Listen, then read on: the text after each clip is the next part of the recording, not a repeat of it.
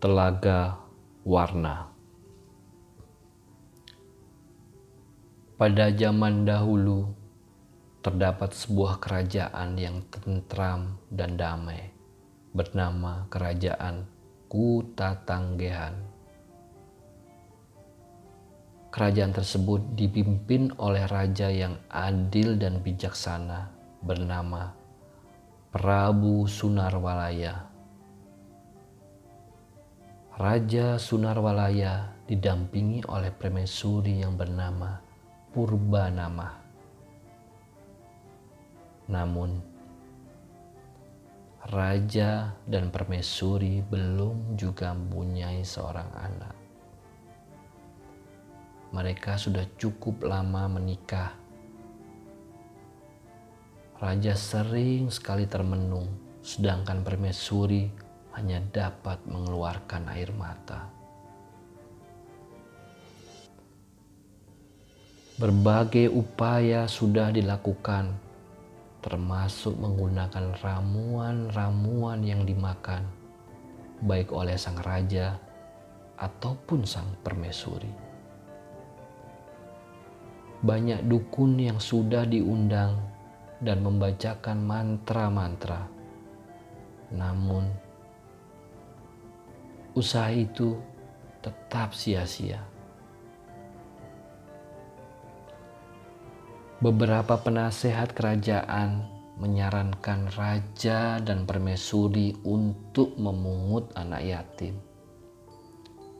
Karena di kerajaan banyak anak yatim piatu. Di antaranya adalah anak dari para prajurit dan perwira yang gugur di medan perang. Namun, raja dan permaisuri tidak mendengarkan apa yang dikatakan oleh para penasehat, karena mereka berpikir anak pungut pasti sangat berbeda dengan anak sendiri. Suatu hari, raja memutuskan untuk pergi bertapa. Ia pergi bertapa ke dalam hutan. Setelah raja berminggu-minggu bertapa, tiba-tiba antara sadar dan tidak, ia mendengar sebuah suara. Hei, Prabu, apa yang kamu inginkan, sehingga kau datang ke sini untuk bertapa. Hamba menginginkan seorang anak, jawab sang raja. Bukankah kamu dapat memungut seorang anak? Tanya suara itu. Hamba menginginkan anak sendiri dan darah daging sendiri. Jawab raja lagi. Jadi, kamu hanya menginginkan anak sendiri? Tanya suara itu. Ya, bagaimanapun keadaannya, anak sendiri lebih baik daripada anak pungut, jawab sang raja. Baiklah, jika itu yang kau inginkan, sekarang pulanglah. Mendengar suara tersebut, raja pun kembali pulang ke istana. Beberapa waktu setelah kejadian tersebut, permaisuri hamil. Seluruh kerajaan merasa sangat senang dengan kabar baik tersebut banyak warga kerajaan yang mengirim hadiah kepada raja dan ratu sebagai bentuk rasa senang mereka. Akhirnya, hari yang ditunggu pun tiba. Permaisuri melahirkan seorang bayi perempuan. Kelahiran sang putri disambut dengan pesta tujuh hari tujuh malam sang putri pun diberi nama Putri Gilang Rukmini. Untuk menyambut kelahiran sang putri, banyak sekali warga kerajaan mengirimkan berbagai macam hadiah yang sangat mahal. Lambat laun, sang putri pun menjadi seorang remaja. Ia sangat cantik. Namun, karena kehadirannya sangat diinginkan oleh kedua orang tuanya dan oleh rakyat. Akibatnya, sang putri berperangai sangat buruk. Semua keinginannya harus dituruti. Jika ditentang, ia pasti akan marah besar. Ia pun selalu mementing tak semua pelayan semena-mena.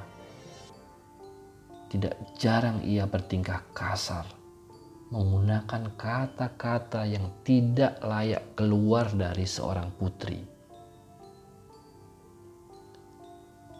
Walaupun seperti itu, raja, permaisuri, dan rakyat tetap sangat mencintainya. Dan putri pun tumbuh semakin dewasa, semakin bertambah cantik. Pada usianya yang ke-17 tahun, tidak ada putri lain atau gadis dari kerajaan yang menandingi kecantikannya. Sebelum ulang tahunnya yang ke-17, rakyat memberikan hadiah kepadanya dari berbagai pelosok. Hadiah-hadiah tersebut berupa barang-barang yang sangat berharga, seperti emas, uang, perhiasan, dan permata. Raja sangat berterima kasih kepada seluruh rakyat atas kecintaannya kepada putrinya tersebut. Ia hanya mengambil beberapa perhiasan bermata Perhiasan tersebut ia serahkan kepada tukang emas untuk dibuat menjadi perhiasan baru yang lebih besar dan lebih indah. Dengan senang hati, seorang empu pembuat perhiasan emas membuat perhiasan berbentuk kalung yang sangat indah. Kalung itu menggambarkan tanaman dengan daun-daun dari emas dan perak, serta buah, bunga, dari permata yang berwarna-warni.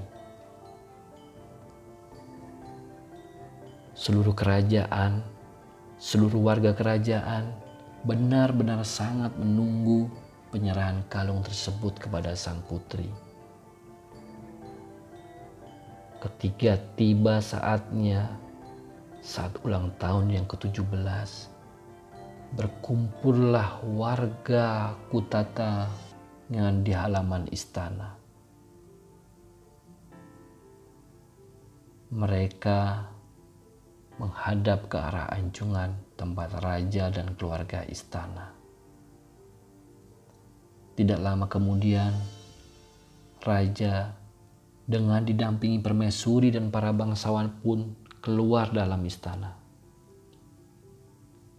Raja melambaikan tangan kepada rakyatnya dan disambut sorak-sore oleh mereka. Sorak-sore kembali bergumuruh ketika Putri Gilang Rukmini datang diiringi belasan orang inang pengasuh. Sang putri sangat cantik bagai bidadari. Karena kecantikannya, banyak orang terpesona dan tidak pernah berhenti bersorak-sorai.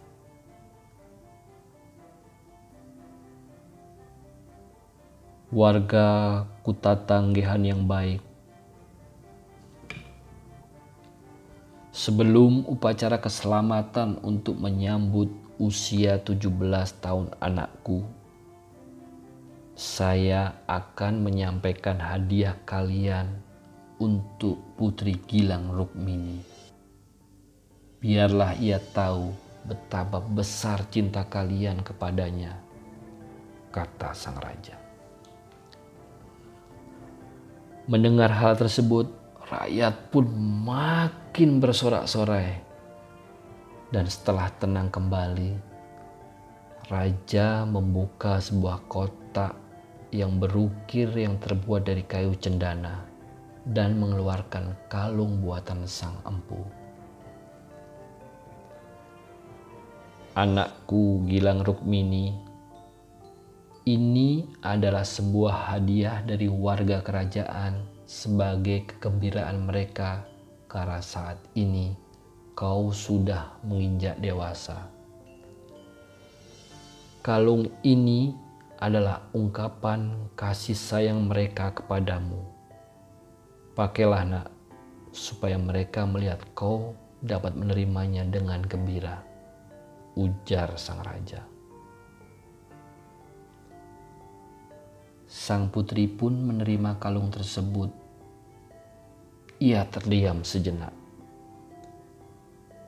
Jelek sekali kalung ini, aku tidak suka, katanya melemparkan kalung tersebut. Kalung itu pun putus berceceran. Semua hadirin membisu menyaksikan peristiwa itu tidak ada satupun orang yang bergerak dan berkata-kata. Di tengah keheningan tersebut, terdengar suara isak tangis sang permaisuri. Rakyat pun ikut menangis, terutama para wanita. Pada yang saat yang sama, suatu keajaiban terjadi. Tiba-tiba keluarlah air yang jernih, seakan bumi pun ikut menangis. Air itu pun keluar hingga menjadi mata air yang besar, dan dalam waktu sekejap telah membentuk sebuah danau. Danau itu semakin lama semakin luas, dan akhirnya menenggelamkan kerajaan Kutatanggan dengan segala isinya. Danau tersebut saat ini sudah surut. Yang tertinggal hanya sebuah danau kecil tengah hutan yang bernama Telaga Warna. Pada siang hari, air telaga tersebut akan berwarna-warni sangat indah. Keindahan yang penuh warna tersebut sebenarnya bayangan hutan di sekelilingi telaga dengan langit biru di atasnya. Tapi banyak orang yang mengatakan bahwa warna-warni itu datang dari permata yang tercerai-berai dari kalung milik Putri Gilang Rukmini. Pesan moral dari cerita rakyat dongeng Telaga Warna adalah jangan jadi anak yang sombong dan suka merendahkan orang lain. Sifat sombong hanya membuat kamu dijauhi oleh teman-teman dan mendatangkan kejelekan sendiri untukmu.